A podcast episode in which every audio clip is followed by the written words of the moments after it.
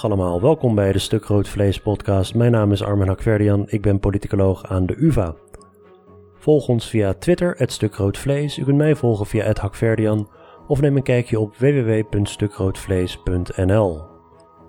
U kunt zich abonneren op deze podcast via allerlei podcast-apps en laat dan ook meteen een rating of een review achter. Het derde kabinet Rutte is afgetreden vanwege het zogenaamde toeslagenschandaal.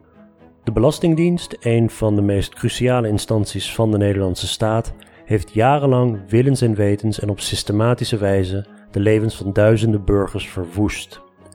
Er is sprake geweest van discriminatie, racisme en een grove schending van de beginselen van de rechtsstaat. Politieke kopstukken en topambtenaren wisten niet alleen van deze praktijken, ze gaven er zelf vorm aan. Zelden kwam het wantrouwen van de overheid jegens haar eigen burgers zo duidelijk naar voren als bij dit schandaal.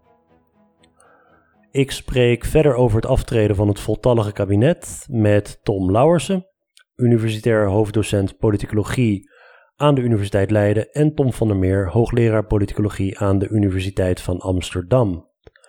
Was dit aftreden puur symbolisch of zit er meer achter? Heeft het wel zin om collectief verantwoordelijkheid te nemen en toch aan te blijven als lijsttrekker? En waarom blijft de VVD onder Rutte toch onverminderd populair?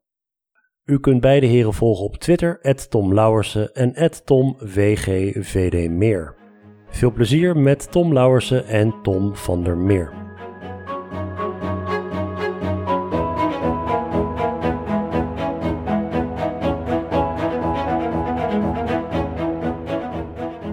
Goed, het is vrijdagmiddag, vlak na de persconferentie van Mark Rutte over het aftreden van zijn kabinet. En ik zit hier met Tom Lauwersen en Tom van der Meer. Tom Lauwersen, welkom. Goedemiddag. Tom van der Meer, welkom. Dank. Ik ga iedere keer jullie achternaam erbij zeggen, anders dan gaan jullie door elkaar heen praten. Uh, Tom Lauwersen, jouw reactie, jouw eerste reactie na het aftreden van het kabinet. Wat is het standaard wat je dan ook alweer zegt? Onvermijdelijk? Uh, het, het, was natuurlijk een aftreden met een lange aanloop, omdat uh, het kabinet al over deze kwestie een aantal keer heeft overlegd. Uh, en je zag in de loop van de week het al steeds meer gaan schuiven richting. het wordt toch wel een heel lastige zaak voor het kabinet om niet op te stappen.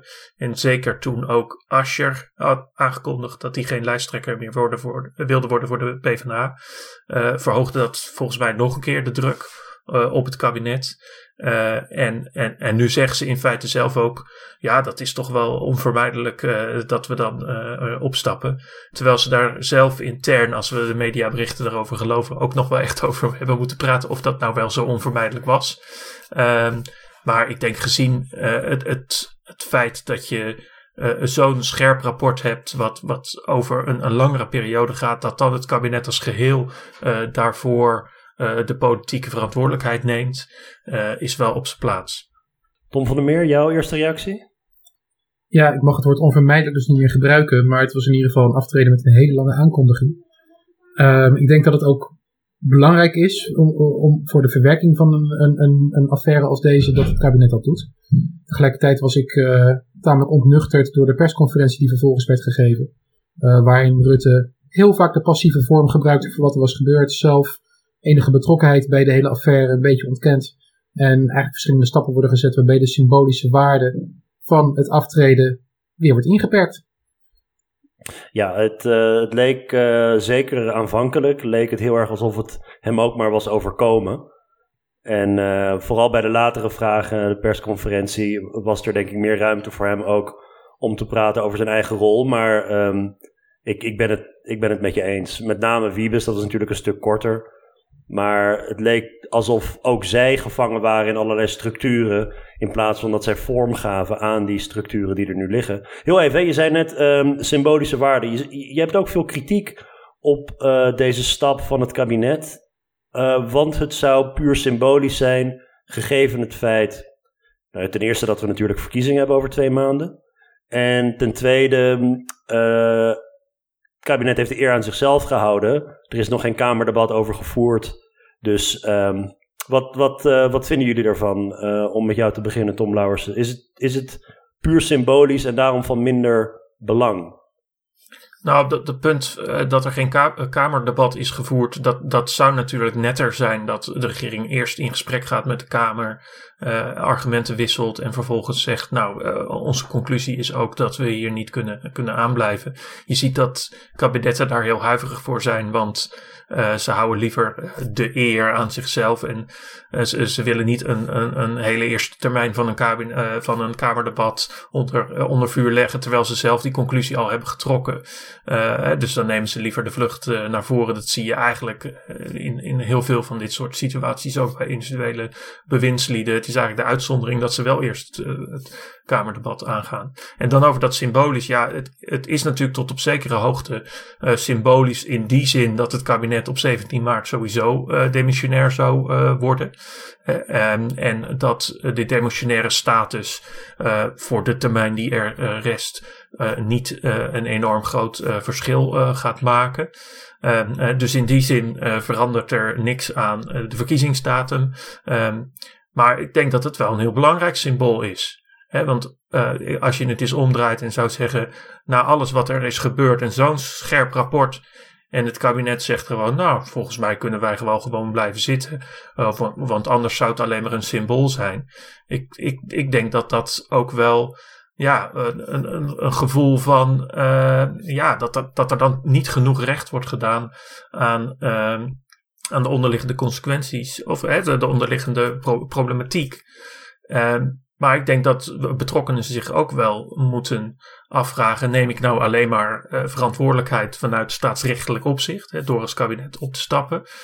Of uh, moet ik me ook niet eens beraden op wat mijn rol hierin is geweest en of ik nog zelf uh, dus weer door kan gaan en aan de kiezer zelf ga vragen om uh, mij nog een nieuwe termijn als volksvertegenwoordiger of, of als, zelfs als kabinetslid te gunnen. en die vraag die wordt in ieder geval door de kabinetsleden nog niet zo expliciet gesteld. Nou, Wiebes is, is direct weg, maar de, de rest lijkt toch wel gewoon door te willen richting de nieuwe verkiezingen. Tom van der Meer? Kijk, uh, de, de, kritiek die je hebt nu op, op uh, zogenaamde symboolpolitiek, moet je eigenlijk loskoppelen van, van wat er dan anders zou moeten gebeuren. Je kan een hele instrumentele visie hierop hebben. Dat is, het kabinet moet aftreden en dat heeft alleen maar waarde als er daardoor ook nog heel veel andere dingen veranderen. Zoals vervroegde verkiezingen of mensen die opstappen. Um, dat, dat is denk ik een, een, wat al te instrumentele visie. De, natuurlijk is het symboolpolitiek. Dat is goed die, die hele affaire gaat over de legitimiteit van de overheid. We weten dat het vertrouwen in de politiek in heel belangrijke mate wordt bepaald door je oordeel of die overheid zich onpartijdig naar je opstelt. Of die fair is. Of de procedures eerlijk zijn, rechtvaardig zijn. Dat is echt een van de belangrijkste voorspellers, zo niet de allerbelangrijkste, van het vertrouwen in de politiek. Dus van de legitimiteit van het systeem daarmee ook. En ja, dat, dat noemen we ook wel in de politicologie symbolische vertegenwoordiging. Het gevoel van mensen uh, dat het systeem voor hen werkt. Ja, dat symbool dat onderschrijf je door er grote consequenties aan te verbinden wanneer er zo'n enorme affaire is, waar, waarvoor die regering op zijn minst systeemverantwoordelijk is, op zijn minst eindverantwoordelijk is. Dus ja, natuurlijk, het is een symbool, maar het kan een heel krachtig symbool zijn. En daarom valt het me eigenlijk echt wel tegen aan de regering dat ze dat symbool niet zo krachtig mogelijk uitspelen. Het is wat eh, Tom zojuist al zei, dat, dat ook individuele bewindspersonen zichzelf even heel scherp in de spiegel aankijken en besluiten, nou ja, om deze norm in ere te herstellen, um, moet ik ook zelf persoonlijke consequenties aan verbinden, zoals Asje van de PvdA wel deed. Of wel degelijk daadwerkelijk eerst met de Kamer in discussie gaan, of beter gezegd verantwoording afleggen aan de Tweede Kamer, als volksvertegenwoordiging, en daarna zelf alsnog de verantwoordelijkheid nemen. Maar in plaats daarvan zie ik in die persconferentie en in de korte interviewjes die erna komen, eigenlijk alleen maar dat, dat, dat bewindspersonen een soort van de passieve vorm gebruiken. Of inderdaad zichzelf als primair als slachtoffer beschouwen van een systeem of onderdeel van een systeem. Terwijl ze ook systeemverantwoordelijke zijn. Ze zijn natuurlijk niet schuldig voor het creëren van het hele systeem. Maar ze zijn op zijn minst mede vormgever en zeker eindverantwoordelijke. En ik heb het idee dat, dat het krachtige symbool van het aftreden wordt ondermijnd door ja, uh, de politieke duiding die er meteen aan wordt uh, gegeven. In, in hoeverre heeft zo'n, het aftreden van een voltallig kabinet, dat is natuurlijk, dat komt ook niet zo heel vaak voor. Maar dus in die zin is het, is het is het een unieke gebeurtenis. Een krachtig symbool waarmee in ieder geval schuld wordt bekend.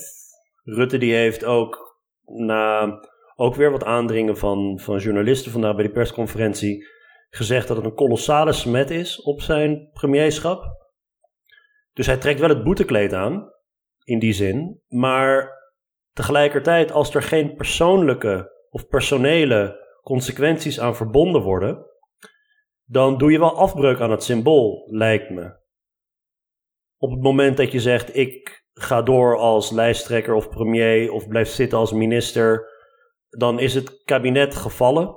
Je hebt als kabinet gezamenlijk verantwoordelijkheid genomen, maar je gaat wel gewoon door. En het gevaar bestaat, en hier kunnen we later, over terug, uh, hier, hier kunnen we later op terugkomen, dat de verkiezingen verlopen zoals ze verlopen, dat een aantal van de hoofdrolspelers herkozen worden. Misschien vanwege andere redenen dan hun rol in de belasting, uh, in, dit, in dit schandaal. En dat ze dus zeggen: aha, ik heb een mandaat gekregen, de kiezer die heeft mij weer een kans gegeven en dat ze het op die manier gaan spinnen. Dus dat, dat doet volgens mij afbreuk aan die symbolische waarde die zo'n stap kan, uh, kan hebben. Nee, ik ben het daarmee eens. Ik denk uh, dat Rutte die in de persconferentie op, op de vraag van vindt u nou, bent u lijsttrekker, blijft u lijsttrekker, vindt u dat u dat kan blijven, die legde de bal ook wel heel erg bij zijn partij en bij de kiezer. Zo van, nou ja, mijn partij kan daarover beslissen en, en de kiezer kan daarover beslissen. Alsof bij zo'n lijsttrekkersprocedure niet hij eerst zelf moet beslissen om uh, kandidaat te zijn en kandidaat te blijven. Um, en die vraag die slaat hij maar even over. Hij legt het dus eigenlijk bij, bij anderen neer. En dat vind ik wel iets te makkelijk, denk ik. Uh, hij zei eerst in die persconferentie ook van ja, het was niet mijn dossier. En later nuanceerde hij wel een beetje van nou ja, ik was natuurlijk wel eindverantwoordelijk. Um, en, en, en dat is nou, nou net de crux. Uh, uh, dat op zo'n belangrijk dossier er een hele hoop mis is gegaan. Er ook in de coördinatie tussen verschillende departementen een hele hoop uh, mis lijkt te gaan. Uh, natuurlijk achteraf altijd makkelijker om het, de andere, het andere departement toch vooral de hoofdschuldige aan te wijzen. Uh, maar tussen financiën en sociale zaken werd, dat zag je ook in die, in die verhoren, toch wel heel snel stevig de bal heen en weer gespeeld. Nou ja, wie is er verantwoordelijk voor die coördinatie primair? toch de premier. Ehm, dus dat hij zich daar ook zelf niet wat strenger in de spiegel aankijkt. Um, ja, dat, dat vind ik toch ook wel vanuit dat, vanuit dat belang van dat symbool. Uh, uh, juist ook vanuit dat symbolische, eigenlijk wel een tegenvaller. En ik denk dat hij dat wel iets scherper mag doen. Ik zag ook wel, in, eerlijk gezegd in die persconferentie, daar meer kritische vragen over dan misschien in het verleden. Hè? De, de, de, de teflonlaag van, de befaamde teflonlaag van Rutte, die is toch misschien wel wat aan, uh, aan uh, erosie onderhevig. En, en dan blijkt dat, uh, dat dat toch een, een giftig goedje is, dat, dat Teflon. Dus we moeten zien hoe dat dan gaat uitspelen. Ik denk eerlijk gezegd, maar ik weet niet hoe anderen daarover denken, dat die binnen zijn partij, ook omdat er geen evident alternatief is op dit moment, als die zou willen, best lijsttrekker kan blijven. Maar ik, ik ben het met uh, Tom van der Meer eens dat dat wel enigszins de symbolische werking van, van, van dit kabinetsbesluit wel weer wat, weer wat ondergraaft. want het is dan toch eigenlijk, nee, maar staatsrechtelijk doen we dit dan zo. Maar voor mijn eigen persoon, ja, het was toch ook niet mijn dossier. Ja, ik ben wel verantwoordelijk, het is wel een smet, maar ik kan toch wel door. Ik vind dat toch een minder sterk verhaal. Ja, het is een heel formalistisch verhaal, hè? Dat je, dat, dat je zegt, staatsrechtelijk doe ik het goed. Maar persoonlijk, ik denk dat dat persoonlijke richting de bevolking of richting naar buiten toe, dat dat, dat, dat wel wat meer kracht heeft dan het staatsrechtelijke. Ja, maar zelfs het staatsrechtelijke vind ik niet heel erg scherp. Um, als het uh, uh, puur een staatsrechtelijke element zou zijn van ja, we zijn niet schuldig, maar we zijn wel verantwoordelijk. Ja, dan zou je nog steeds niet de personele overlap verwachten tussen kabinetten met het verleden. Met de rode lijnen die er ook zitten. Dus er zitten twee kanten aan. Bovendien, het gaat niet alleen over het ontstaan van het probleem. Het gaat ook om de openheid van zaken richting, met name een Tweede Kamer, richting media. Ja. En het is toch heel moeilijk vol te houden dat dit niet een rode draad is geweest die we nu door jaren van dit kabinet heen hebben zien, voor deze kabinet heen hebben zien lopen. Dat de informatievoorziening richting journalisten en Tweede Kamer heel vaak ondermaats is geweest. Denk aan, aan eerst alle problemen bij justitie, nu dus alle problemen bij de Belastingdienst. Dat informatie steeds niet vindbaar is, te laat komt of indirect wordt, wordt naar voren wordt gehaald. Ehm, dat, dat een, uh, een WOP-regeling, de, de openbaarheid van informatie, dat die wel heel erg beperkt wordt geïnterpreteerd wanneer het zo uitkomt. Um, dan kan je wel zeggen, ja, dat is de wet. Nee, dat is niet de wet. De wet geeft je de mogelijkheid om bepaalde beperkingen uh, te accepteren. Maar dat betekent niet dat je dat moet, dat je alles moet wegstrepen. En die kant van de zaak, die, die transparantie, die verantwoording, dat is ook een element waarvoor je wel degelijk naar het kabinet als geheel moet kijken en naar de personen die daarin zitten, die ja. daaraan hebben meegewerkt. Transparantie is een buitengewoon belangrijk onderdeel van verantwoording afleggen. Ja, het is cruciaal in elke democratie.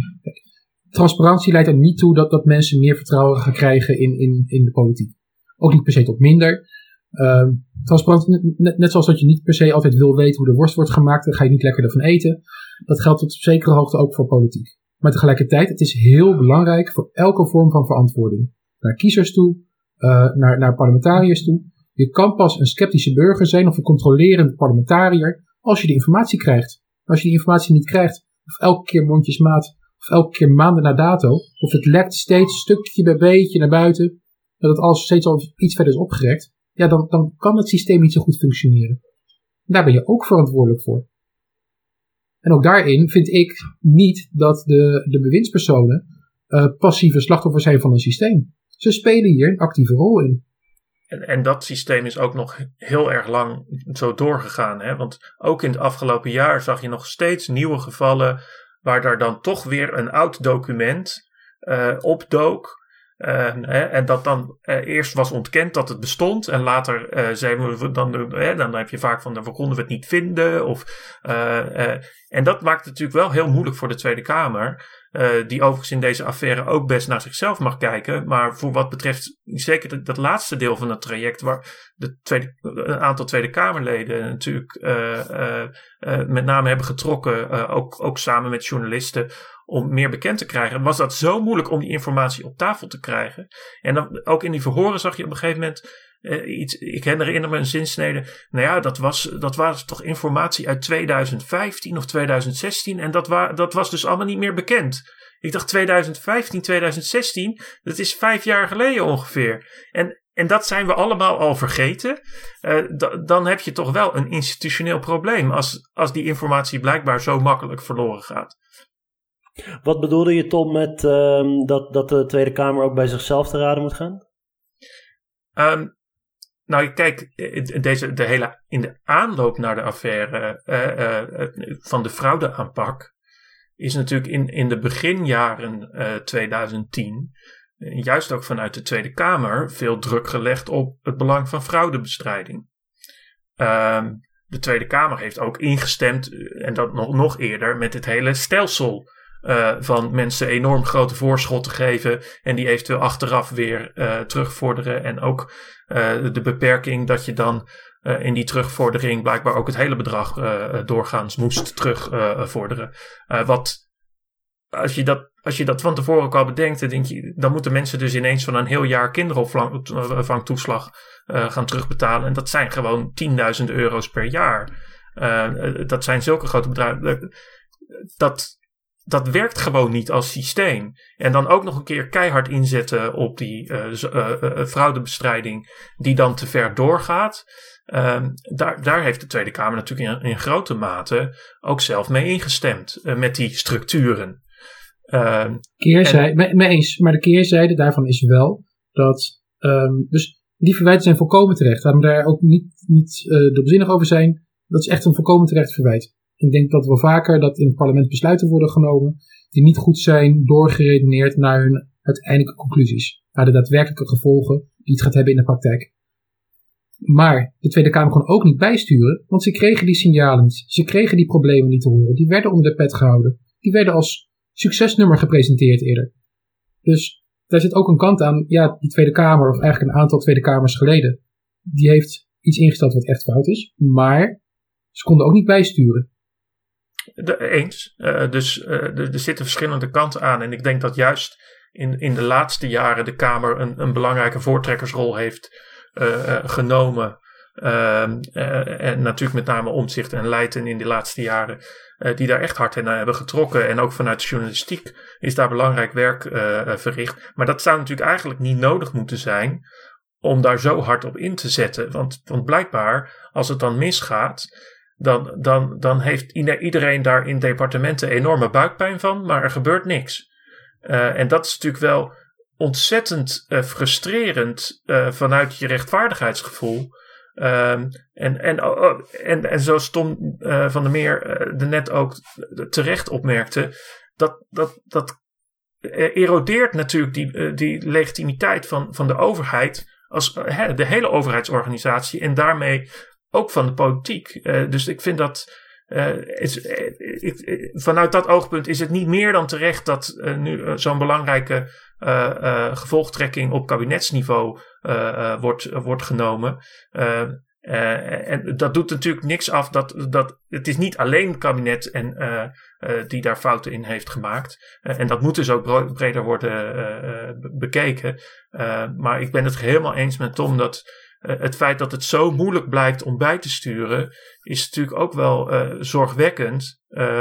ook voor, voor andere dossiers in de toekomst. Want ja, er zullen in de toekomst ook fouten worden gemaakt of wetgeving hebben die komen die onbedoelde gevolgen heeft. Uh, en uh, dat, dat, is, dat zal altijd blijven bestaan. Uh, dat kun je nooit helemaal voorkomen. Maar dan is het ook een belangrijke vraag: hoe kan je daar goed op bijsturen? En, en komen die signalen dan, dan door? en nu wordt er dan één stap genomen met: ja, nu gaan we alle onderliggende documenten van besluitvorming wel meteen openbaar maken. ik hoop dat dat dan ook daadwerkelijk gebeurt en dat het niet een openbaarmaking is waar dan 99% van de tekst uh, zwart gelakt is uh, onder beroep van een of andere uitzonderingsgrond. Uh, maar dat ook echt substantieel gebeurt. want, want anders dan, dan is dat, dan klinkt dat op papier mooi, dan gaat het in de praktijk toch niet helemaal werken. Ja, dus um, ik wil toch ook even Pieter Klein en Jan Klein Nijenhuis noemen van RTL en Trouw, die ontzettend belangrijk zijn geweest in het naar buiten brengen van heel veel van deze informatie.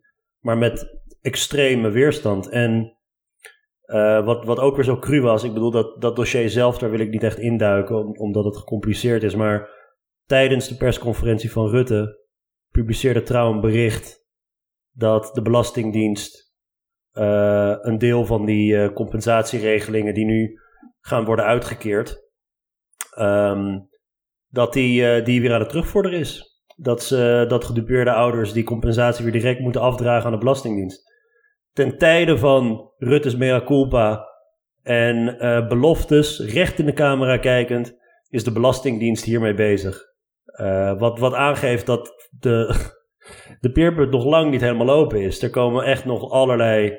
Er is echt nog heel veel werk aan de winkel voordat überhaupt duidelijk is wat er allemaal is gebeurd. Anyway, terug naar de, terug naar de, de, politiek. Hè. Um, de, de rol van de Kamer. Um, in deze.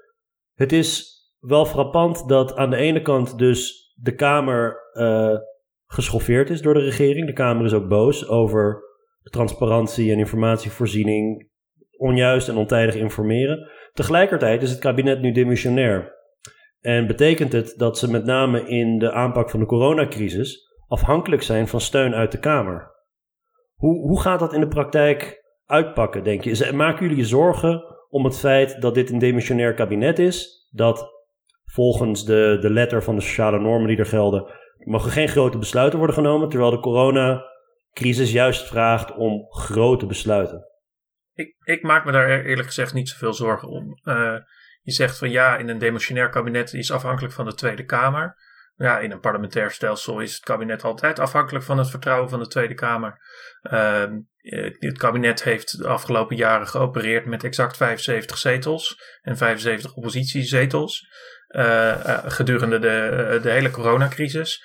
Um, en um, daar zijn, zullen in de aanpak best dingen op aan te merken zijn. Maar dat, dat kwam niet zozeer doordat er vanuit de oppositie geen steun was voor, de, voor de maatregelen. Um, dus ik denk dat er in die situatie niet ontzettend veel uh, verandert.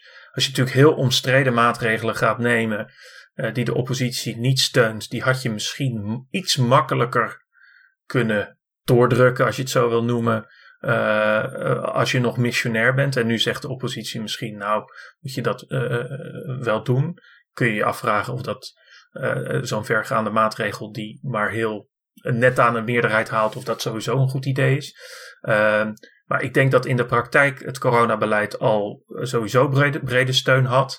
Uh, PvdA en GroenLinks hebben geloof ik ook wel uh, direct aangegeven uh, dat ze die steun blijven geven op het coronadossier. Um, niet, niet geheel kritiekloos, maar dat ze daar wel willend tegenover staan. Dus ik denk dat op dat dossier de slagkracht uh, niet heel veel anders is. Overigens was op 17 maart het kabinet sowieso demissionair geworden. Uh, en, en uh, dan is er ook nog steeds geen nieuwe regering. En dan denk ik ook nog niet dat de coronacrisis voorbij is. Dus in die situatie, hè, het duurt dan twee maanden langer. maar ik, ik denk zelf dat, op, zeker op dit dossier, omdat de oppositie zich welwillend opstelt, er geen enorme problemen te verwachten hoeven zijn. Ja, ik denk het ook. Um al is het maar omdat er inderdaad brede steun is voor, voor heel veel van de beleidsvoorstellen en een enorme bereidheid in de Nederlandse politieke cultuur om er samen uit te komen. Waar we wel voor moeten zorgen als, als ja, Nederlandse democratie, is dat dit geen precedentwerking gaat hebben. Dus dat bij een volgende keer dat een kabinet demissionair is en niet alsnog grote maatregelen worden genomen met verwijzingen aan die vorige keer dat het toch ook kon. Dat verwacht je niet zo heel snel. Uh, maar dit is wel een democratische norm die we al, al, decennia lang hebben. Um, we moeten ervoor zorgen dat deze uitzonder, dit uitzonderingsmoment niet een, een, een, punt is waarop die norm gaat eroderen in de toekomst. Kan je voorstellen met een andere samenstelling van een regering, uh, dat misschien toch nog wel even wat verdergaande maatregelen kunnen worden voorgesteld of worden doorgevoerd. Ook als er bijna verkiezingen op komst zouden zijn. Dus op korte termijn geen enkele zorg, op lange termijn eigenlijk ook niet. Maar wel goed in de gaten houden dat die norm weer hersteld wordt. En je ziet uh, dat die norm wel al iets onder druk heeft gestaan in, in afgelopen uh, periodes. Uh, dat, dat die lijst van controversiële onderwerpen, die wordt door de Tweede Kamer vastgesteld in, en gewoon met een besluit. Dus dat is weer bij meerderheid. Dus dat, dat, dat is toch wel erg afhankelijk van de bereidwilligheid, ook van de meerderheid om uh, minderheden daarin ter wille te zijn. Als een minderheid zegt: nee, dit is voor echt een heel zwaar punt voor ons. Dat ze dan zeggen: oké, zelfs al zouden er uh, bijvoorbeeld 100 zetels voor zijn, we doen het toch niet. omdat dat voor jullie een zwaarwegend punt is en er komen verkiezingen aan. maar je, je zag bij afgelopen rondes toch al wel snel meer discussie over die lijst ontstaan. Uh, van moet dit dan toch ook niet en is dit dan niet, niet dringend? Dus ik, ik, ik ben het met Tom eens dat je daar voorzichtig in uh, uh, moet zijn. maar ik denk dat dat probleem al iets ouder is. En bij corona dat je ook wel heel evident kan zeggen dat dat beleid niet kan wachten totdat we weer een nieuwe missionaire regering hebben. Tenzij er tussentijd nu één gevormd zou worden. maar als we het reguliere proces afwachten, dan moeten we toch hopen dat we in de zomer weer een, een, een missionaire regering hebben. En ik hoop dat er tegen die tijd toch ook wel stappen in het coronabeleid zijn uh, genomen. Dus het is ook evident uh, dat het hier gaat om een crisissituatie. Nee, zeker. Zeker. Maar als je kijkt in het verleden hebben we natuurlijk ook uh, een minder urgente crisis, maar die wel degelijk crisis waren gehad. Zoals de Kundescoalitie nadat uh, Wilders was opgestapt uit uh, de gedoogconstructie, dat er ook ad hoc een coalitie of een meerderheid werd gesmeed om bezuinigingsbeleid te steunen, waar kiezers zich niet over konden uitspreken, terwijl er wel verkiezingen werden uitgeschreven. Um, dat, dat, dat is geen heel prettig precedent. Gelukkig is Amerika wat dat betreft echt niet als voorland, maar we zien daar ook wel hoe democratische normen langzamerhand kunnen worden opgerekt. Um, waardoor op hele opportunistische wijze dingen wel of niet toegestaan worden uh, in zo'n demissionaire periode. Maar wat zijn nou bijvoorbeeld dan controversiële onderwerpen waar uh, zo'n demissionair kabinet zich niet aan zou moeten wagen? Nou ja, wat ik las, bijvoorbeeld die openstelling van uh, Lelystad Airport. Daar is misschien wel nog een meerderheid voor te vinden, maar dat ligt bij ook heel veel partijen behoorlijk gevoelig. is ook weer niet super noodzakelijk dat daar momenteel een besluit over wordt genomen. Dus daarvan zou je kunnen voorstellen dat dat op zo'n lijst van controversiële onderwerpen belandt. kijk, de regering was natuurlijk al niet heel erg meer bezig met grote wetsvoorstellen. Uh, althans, uh, die ging ze niet meer indienen uh, voor, voor de verkiezingen. Omdat ze sowieso aan het einde van de periode waren gekomen. En dat is natuurlijk iets anders dan bijvoorbeeld een aantal kabinetten Balkenende. die juist midden in de hoos van de wetgeving zaten. en, en waarbij dan toch wel meer belangen waren om dan dit toch nog maar wel even door te laten gaan. maar ik, ik ben er wel voor om, als dat enigszins mogelijk is om uh, te zeggen: nee, we laten het woord eerst aan de kiezer op dit soort uh, dossiers. Dat, dat zou toch de, de, de meest democratische weg zijn. ja, en dat voorlopend beleid, en corona is natuurlijk heel dringend, kan dat natuurlijk niet. daar kun je niet op wachten. maar voor, heel, voor een heel aantal andere dossiers kan dat wel. En dan moet je natuurlijk wel kijken hoe je omgaat met ook met, juist met het toeslagendossier en de compensatieregelingen. Want je wil natuurlijk niet dat door deze beslissing daarin vertraging gaat, uh, gaat komen. Maar ik denk dat niemand dat wil en dat, uh, dat daar dus ook wel een brede steun voor kan worden gevonden. dat dat toch doorgaat. Ik, ik vraag me af, jullie, jullie hadden het allebei over dat, dat, dat die maatregelen door de Kamer, sowieso door een Kamermeerderheid, gesteund moeten worden van een dimissionair kabinet. En uh, ik vraag me af op een, op een dossier als corona, waar het niet gaat, niet eens zozeer gaat om een groot beleidsterrein, maar het gaat om hele ingrijpende, fundamentele ingrepen die bijvoorbeeld vrijheid inperken. En de avondklok is, is natuurlijk een heel ja, pregnant voorbeeld daarvan.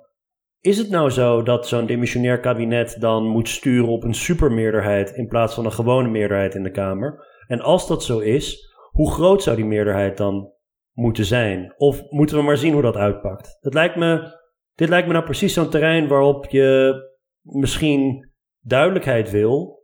Er gaat echt wel, uh, bijvoorbeeld als zo'n avondklok wordt voorgesteld, uh, mocht dat zo zijn natuurlijk, dan zal er vanuit de oppositie ongetwijfeld ook, zullen er partijen zijn die er tegen zijn. Is, is nu op voorhand te zeggen hoe groot zo'n meerderheid dan moet zijn voor een demissionair kabinet om dit om zo'n zo'n controversieel voorstel er toch doorheen te krijgen? Het is een norm. Dus er, er, er, er is geen harde eis voor wat wel of niet goed is. Um, ik kan me voorstellen dat je het ook laat afhangen van de kwaliteit van de argumentatie uh, in jouw ogen. Om nog wat te noemen. Het, um, je kan het ook omdraaien. Als je als regering van tevoren zegt, we willen een, een, een brede steun hiervoor hebben. Dan leg je ook de verantwoordelijkheid mede neer bij wat nu nog oppositiepartijen zijn of in ieder geval tot en met vanmorgen oppositiepartijen waren, um, dat zij hun verantwoordelijkheid moeten nemen om wel of niet mee te stemmen met het voorstel. Uh, omdat ze die het niet zomaar kunnen neerleggen op het bordje van een demissionaire regering, als die heeft aangegeven, er moet brede steun voor zijn. Maar er is, er is geen enkele harde grens hierop te trekken. Nee.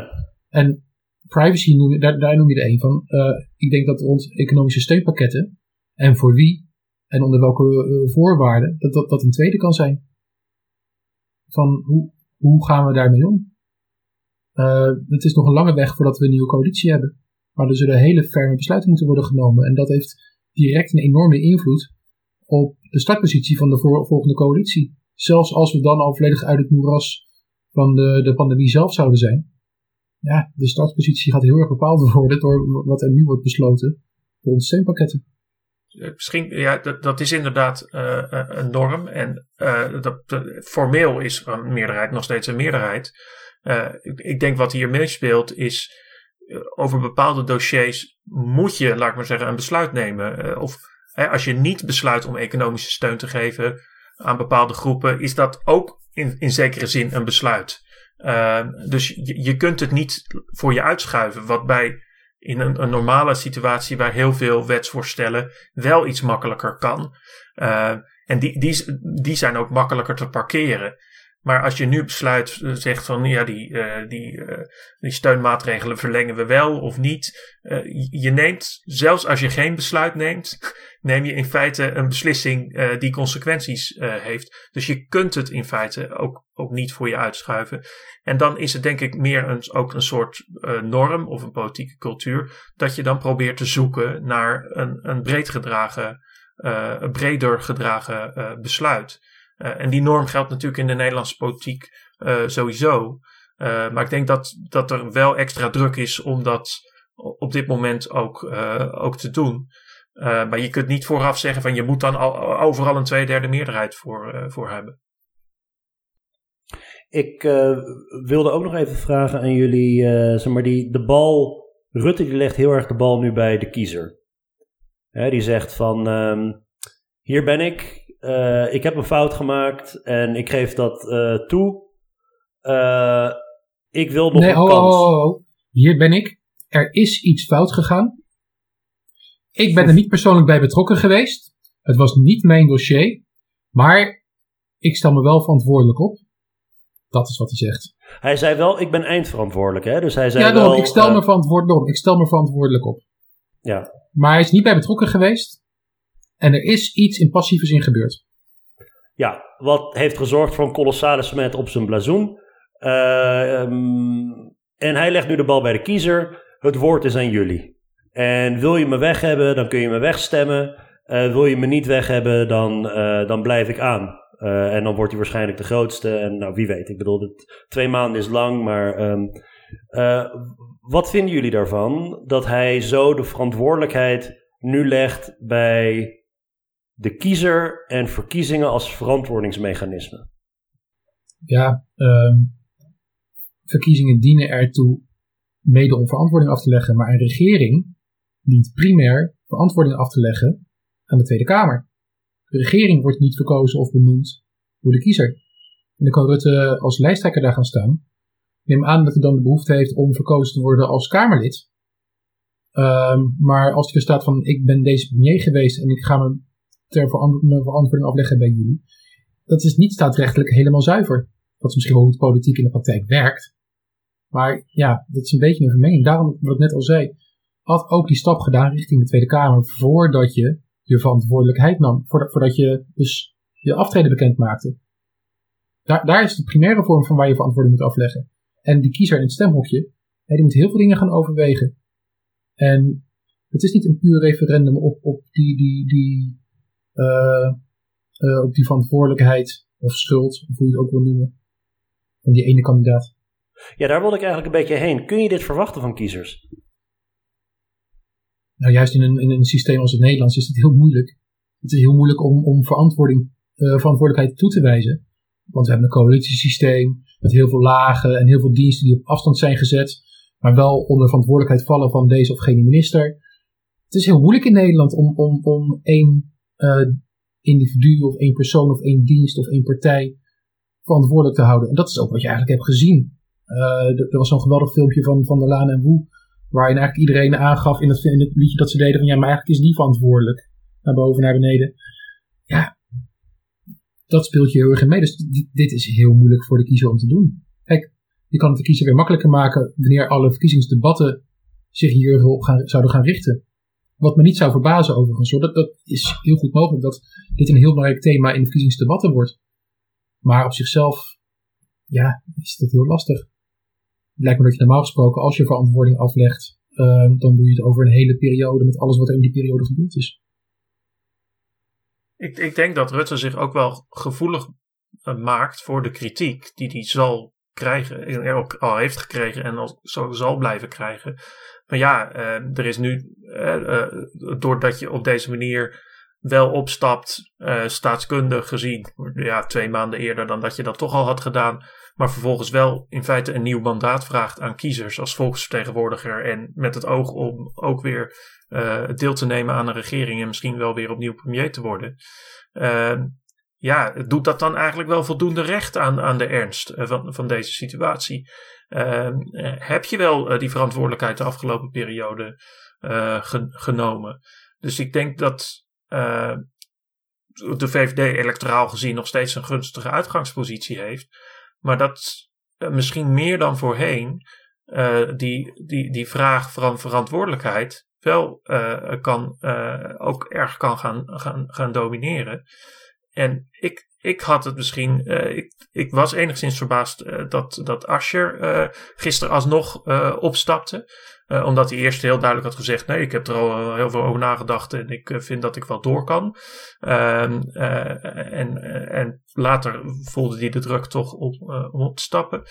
Maar ja, ik, ik, ik, ik, ik denk van nou, dan doe je toch wel recht aan de ernst van de situatie ook niet alleen staatkundig, maar ook de rol die je daar zelf in hebt gespeeld, of onvoldoende hebt ingespeeld door niet in te grijpen of signalen niet uh, te krijgen. Uh, uh, en Rutte, ja, die was toch tien jaar lang de chef. En in die tien jaar heeft zich dit kunnen ontvouwen.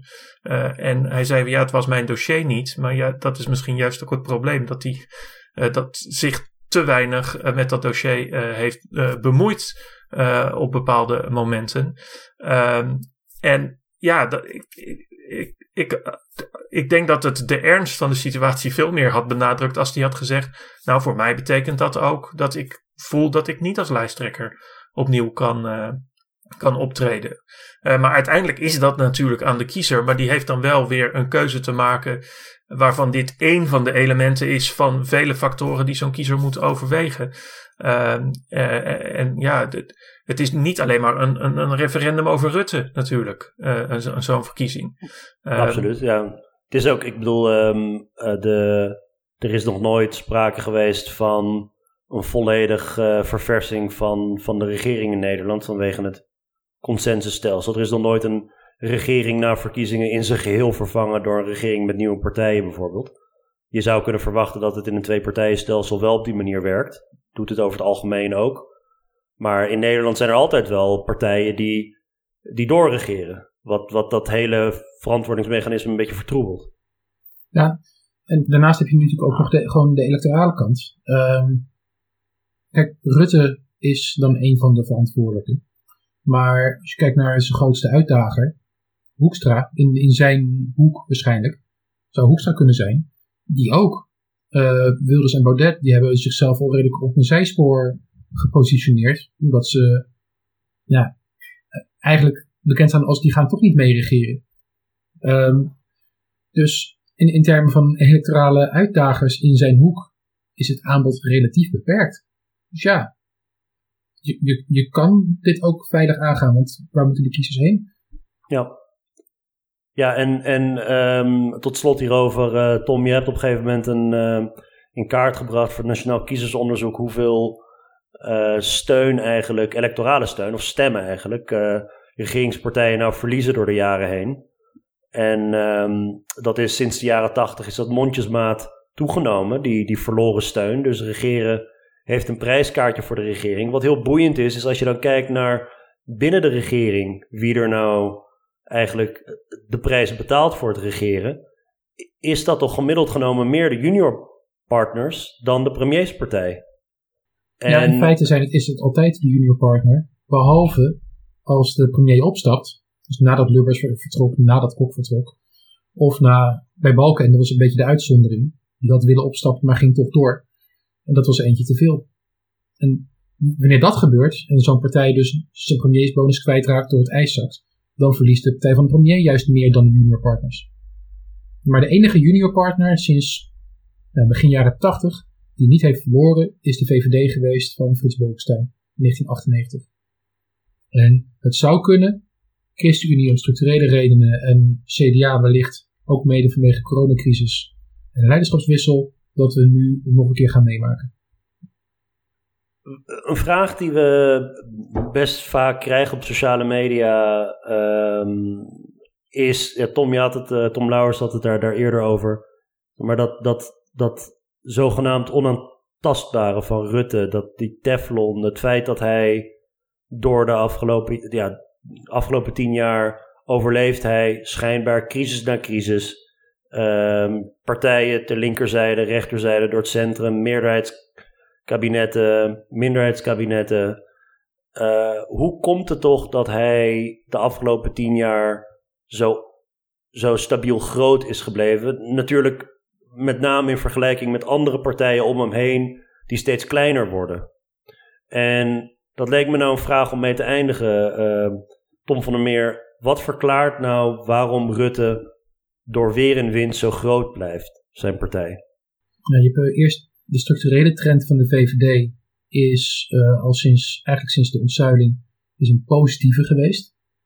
Um, waar CDA en PvdA structureel kiezers verloren. Dus het VVD is op niveau gebleven en zelfs gestegen in populariteit. Uh, en daarmee werd de VVD van eigenlijk ja, het, het, het, het, het, uh, het, het kleintje in een driepartijenstelsel kon het een van de drie grote of zelfs de grootste partij worden. Uh, het midden van middelgrote partijen. Wat bij, Rutte meespeelt is, hij kon aan de macht komen door op het juiste moment heel erg het economisch profiel van zijn partij te benadrukken. Dat hielp hem ook de, de verdeeldheid binnen de partij op culturele thema's uh, op te lossen. Dat, dat, was in 2010.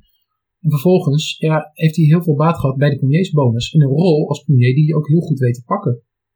Hij, hij is makkelijk in het smeden van meerderheden. Hij is niet altijd principieel. Dus vanuit een puur bestuurlijk perspectief werkt dit ook. Keerzijde van dit verhaal. Maar de keerzijde van dit verhaal. Heel veel mensen willen gewoon dat er gewoon goed bestuurd wordt. En dat er stabiliteit is. Dus dat helpt. En als je dan ook een stabiel figuur hebt die je stabiliteit biedt, dat, dat, dat, dat biedt steun. Uh, de keerzijde is ook dat het, de, het succes van de een is ook de zwakte van de ander. Ik moet elke keer denken aan de verkiezingen van 2017, waarin uh, verschillende partijen de VVD gingen uitdagen. Dus het CDA en GroenLinks uh, en de PVV. En die deden het allemaal op basis van het thema leiderschap. Maar als je nou een zittende premier met enigszins een bepaalde vorm van populariteit ergens niet moet aanvallen, is het leiderschap. Dat benadrukt alleen maar dat die persoon de premier is en dat redelijk goed kan. En hij werd ook niet uitgedaagd op inhoud. Het CDA, dat koos een verkiezingsprogramma, of in de praktijk in ieder geval venden ze het zo uit, wat een VVD-light versie was. Gewoon VVD, economische en culturele thema's, maar iets minder uitgesproken. Ook dat werkt weer in het voordeel van die partijen. Dus de grootste electorale rivalen pakten dit nou ook niet echt heel erg lekker op. Waarom heeft hij de plek overgenomen van het CDA? Want je zei, je begon ermee structureel is de VVD van het kleintje van de grote drie uh, groter geworden en zijn die andere twee klein geworden. Nou, we weten, de Partij van de Arbeid heeft veel steun verloren, met name ook aan, aan ideologisch verwante partijen aan de linkerkant. Maar waarom, wat heeft de VVD dan gedaan dat het die stemmers van het CDA heeft overgenomen? Dit is een combinatie van factoren. Kijk, het CDA verloor kiezers, ook gelovige kiezers, aan seculiere partijen, nog 2010. Wat dus, dus in, de laatste periode van Balkenende ging Balkenende heel erg onderuit. Um, gebrek aan leiderschap in dat, dat kabinet Balkenende 4, wat hem toch al lange parten speelde. Maar Rutte stond er eigenlijk in ook zijn periode heel slecht voor. Heeft, hij heeft meermalen bijna zijn, lijst, zijn, zijn partijleiderschap moeten opgeven. Um, maar toen vervolgens de, de economische crisis uitbrak, de regering uh, die er zat, CDA, PvdA, ChristenUnie, niet tot beleid kon komen, um, Rutte een motie van wantrouwen kon indienen, um, zich een heel uitgesproken economisch profiel ging aanmeten. Toen had hij de combinatie waarmee hij zich kon onderscheiden binnen dat rechterblok. Ja, dat, ik, ik denk dat, dat dit een combinatie is van de professionalisering van de partij. Uh, een goede nadruk neerleggen op je eigen kern, beginselen, kernwaarden. Iets waar, de, waar het CDA al tien jaar last van heeft dat ze dat juist weer dat ze dat niet kunnen. Um, en een portie timing. Timing is echt van belang. Als je een lijsttrekker of een partijleider maar een poosje laat zitten en kan, kan laten louteren, kan het ook voordelig uitpakken. Tom Lauwersen, succes van Rutte? Ja, ik, ik ben het daarmee eens. En, en zoals Tom ook zei, uh, ik, ik, denk dat Rutte niet onverdienstelijk is om in het huidige politieke uh, klimaat, waarbij het zoeken naar die wisselende meerderheden een noodzakelijkheid wordt en is geworden en waarschijnlijk ook nog wel blijft. Uh, daar, daar kan hij heel succesvol in opereren. Juist omdat hij binnen zijn partij ehm, niet de strengste in de leer is. Ehm, bereid is om mee te bewegen. Een beetje naar links, een beetje naar rechts. Soms knetterrechtse dingen roepen. Maar in de praktijk worden daar dan de scherpste kantjes toch wel weer van afgeveild. Uh, bereid om met iedereen te praten. En daardoor toch ook dingen gedaan krijgt. Het, kabinet Rutte 2 was het eerste in jaren wat de termijn helemaal uh, volmaakte. Ehm, en ja, dan, dan, dan weet je toch in een niet al te makkelijke politieke situatie succesvol te opereren. Ehm, en dan, dan kun je ook daadwerkelijk zeggen: ja, wij hebben dus een en wij claimen een soort competentie op economisch beleid. Eh, economie vinden we belangrijk, maar dat kunnen wij ook als VVD. Daar vervoeren wij, eh, dat hun, hun, argumentatie dan, een, een verstandig uh, rechtsbeleid op. met de overheidsfinanciën op orde. En dat is toch een verhaal wat de kiezer op centrum rechts aanspreekt. En Um, dat heeft hij vanaf 2010 uh, eh, goed uh, neer weten te zetten. Um, en ik, ja, ik, ik, denk dat dat, dat toch ervoor heeft gezorgd dat hij succesvol heeft kunnen opereren. Wat uiteindelijk ook weer beloond werd door de kiezer. Het is wel interessant dat um, er is natuurlijk wel kritiek op Rutte, zowel op het gebied van het beleid dat hij heeft gevoerd, rondom de publieke sector bijvoorbeeld, de regulering. Hij stelt zichzelf op als een pragmaticus, wat natuurlijk een heel bekend Nederlands trucje is. Uh, ik ben pragmaticus en het gaat me niet om de, om de inhoud, terwijl eigenlijk het beleid dat gevoerd wordt best ideologisch is. Uh, maar um, hè, er zijn best mensen die kritiek hebben op die tien jaar Rutte, waarbij de publieke sector is aangepakt en de uitdagingen waar we nu voor staan in de coronacrisis daaraan gewijd worden. Dit was voorsorteren op de moeilijkheden in de zorg en het onderwijs die we nu hebben. Dat is niet een, dat is niet een ongeluk dat we nu in deze situatie zitten. Tegelijkertijd dat, dat, dat goed bestuur. Nou ja, een van de pijlers onder de Nederlandse overheid blijkt tot op het bot verrot te zijn. Namelijk de mogelijkheid om belasting te innen. Daar is de rechtsstaat diep geschonden. En toch is blijkbaar voor genoeg kiezers, ofwel die zijn het daar niet mee eens, ofwel het is niet relevant voor ze, dat kan natuurlijk ook. Er is een groot genoeg groep kiezers aan de rechterkant van het politieke spectrum, die misschien zelfs ondanks uh, Rutte's uh, rol in die, in die toeslagenaffaire blijft steunen. Het kan zijn dat ze het niet dat ze het niet belangrijk genoeg vinden. Het kan ook zijn dat ze het wel belangrijk vinden, maar zeggen ik heb geen alternatief om op te stemmen. Maar hij blijft het, uh, hij blijft electoraal gezien blijft hij onveranderd populair. Er is ook één cruciale context. En dat is dat we midden in een coronacrisis zitten. We hebben in Nederland een, een, een gigantische uh, rally round the flag effect gehad. Uh, dat mensen hun vertrouwen plaatsten in de regering, in de politiek in het algemeen, vanaf maart. en, en elke keer wanneer de, de, de angst toeneemt dan neemt dat vertrouwen ook weer toe. Uh, daar zitten we middenin. Dus je, je, moet niet vergeten dat we echt te maken hebben met die, die electorale blikvernauwing. Dat, dat, dat de coronacrisis is front en center voor heel veel mensen. Dat, dat is waar de aandacht naar uitgaat. Uh, dat is waar ze naar kijken. En zolang deze crisis gaande is, zoeken mensen gewoon een stabiel bestuur. Ook al heeft het misschien fouten gemaakt die ze zouden uh, moeten oplossen, of die op een ander moment wel degelijk tot afrekening hadden moeten leiden nu even niet. Ik denk dat dat een, een, een cruciale context is hier. Eens, en ik denk ook dat het begrip de, de rechtsstaat is aangetast.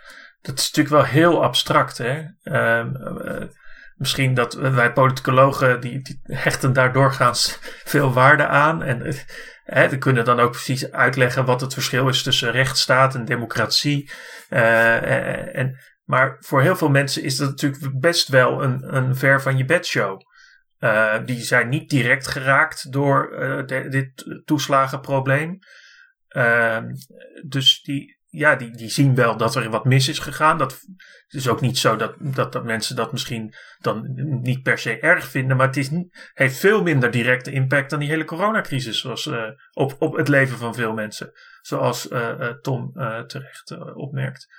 dus ik, ik denk dat dat misschien ook wel meespeelt. Dat, dat dat toch niet direct dan tot een andere afweging uh, uh, leidt bij die, bij die kiezers.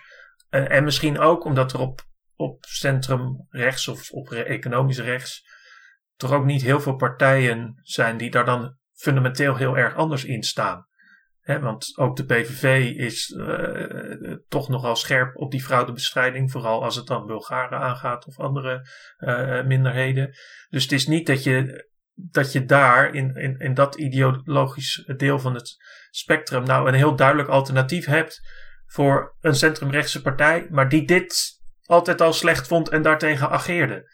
Uh, misschien kennen jullie hem wel, maar ik, ik, ik zou daar als centrumrechtse kiezer toch wat moeite mee hebben. Waar moet ik dan naartoe? Nou ja, het, het, het is uh, misschien abstract, de, de rechtsstaat is aangetast of de grondbeginselen. Daarom lijkt het me ook belangrijk in de communicatie vanuit de media naar het publiek toe, dat ze het beestje bij de naam noemen. Uh, niet alleen etnisch profileren, discriminatie door de overheid, racisme, dat het institutioneel van aard is, dat ze het concreter maken. Je hebt natuurlijk wel heel veel ouders die aan het, of heel veel slachtoffers van die toeslagenaffaire, die veelvuldig aan bod zijn gekomen en ook het woord krijgen. Wanneer die daarover vertellen en je weet dat het gaat om een enorm aantal gevallen, dan wordt het ook tastbaarder voor mensen. Het is ver van mijn bed, maar um, het is niet, een, uh, het is niet, het is niet een, een abstract schandaal. Er zijn hier mensen geprofileerd, gediscrimineerd en hun levens zijn verwoest. Dus ik denk dat, dat het ook hier, hier ligt ook een taak van journalisten om echt het beestje te benoemen. Maar je hebt gelijk, anders dan blijft het abstract. Ja, god, wat, wat, wat, wat is hier nou eigenlijk, uh, eigenlijk gebeurd? Uh, laatste, uh, last thoughts? Tom van der Meer, Tom Lauwersen, hierover? Ja, ik denk, het, um, de beste vergelijking die je volgens mij kan trekken, is wat er gebeurd is na het aftreden van het gehele kabinet in 2002 toen rond het rapport over Srebrenica. En als je dan kijkt naar de peilingen in die periode, die veranderden nauwelijks. Dus op zichzelf zal het aftreden van het kabinet niet noodzakelijk leiden tot een grote verschuiving in de peilingen. Maar het kan het wel gaan doen, afhankelijk van welke nadrukken er worden gelegd in debatten, welke vragen er worden gesteld door media. En ik denk dat er genoeg vragen gesteld moeten worden, want zoals ik net al aangaf in het begin, het aftreden is een belangrijk symbool. Maar dat symbool moet dan ook wel echt tot wasdom worden gebracht. De norm die hier geschonden is, moet overduidelijk zijn. En dan helpt het niet om te zeggen: ik was niet bij betrokken. Um, het is een passieve gebeurtenis. Ergens is een norm geschonden. Maar ja, dat is door, door een onbestemde actor of een onbestemd systeem gebeurd. Um, ik denk dat het daar een taak ligt voor, voor uh, parlementariërs. Um, om duidelijk te krijgen wat is er nou precies gebeurd. Uh, voor journalisten om dat te doen. Idealiter had het kabinet dat gewoon al gedaan in de Tweede Kamer. Het is erg jammer dat ze al zijn afgetreden voordat ze dat überhaupt hebben gedaan. Ja, dan hoop ik dat het komend debat op dinsdag alsnog die duidelijkheid gaat bieden. Tom Larsen? Ja, ik vind het eigenlijk wel een mooie afronding zo. ik bedoel, ik kan het nog een keer dunnetjes over doen, maar uh, nee, dat doen we een mooie niet. conclusie van Tom. Ja, geweldig. Hey, um, uh, dankjewel dat jullie zo op korte termijn konden, um, uh, konden aansluiten en je, ja, je duiding geven over de gebeurtenissen. jullie kunnen beide heren volgen op, op Twitter. Tom Lauwersen en Tom VG Meer. Tom Lauwersen bedankt. Graag gedaan. En Tom van der Meer bedankt. En graag gedaan. U bedankt voor het luisteren en tot de volgende keer.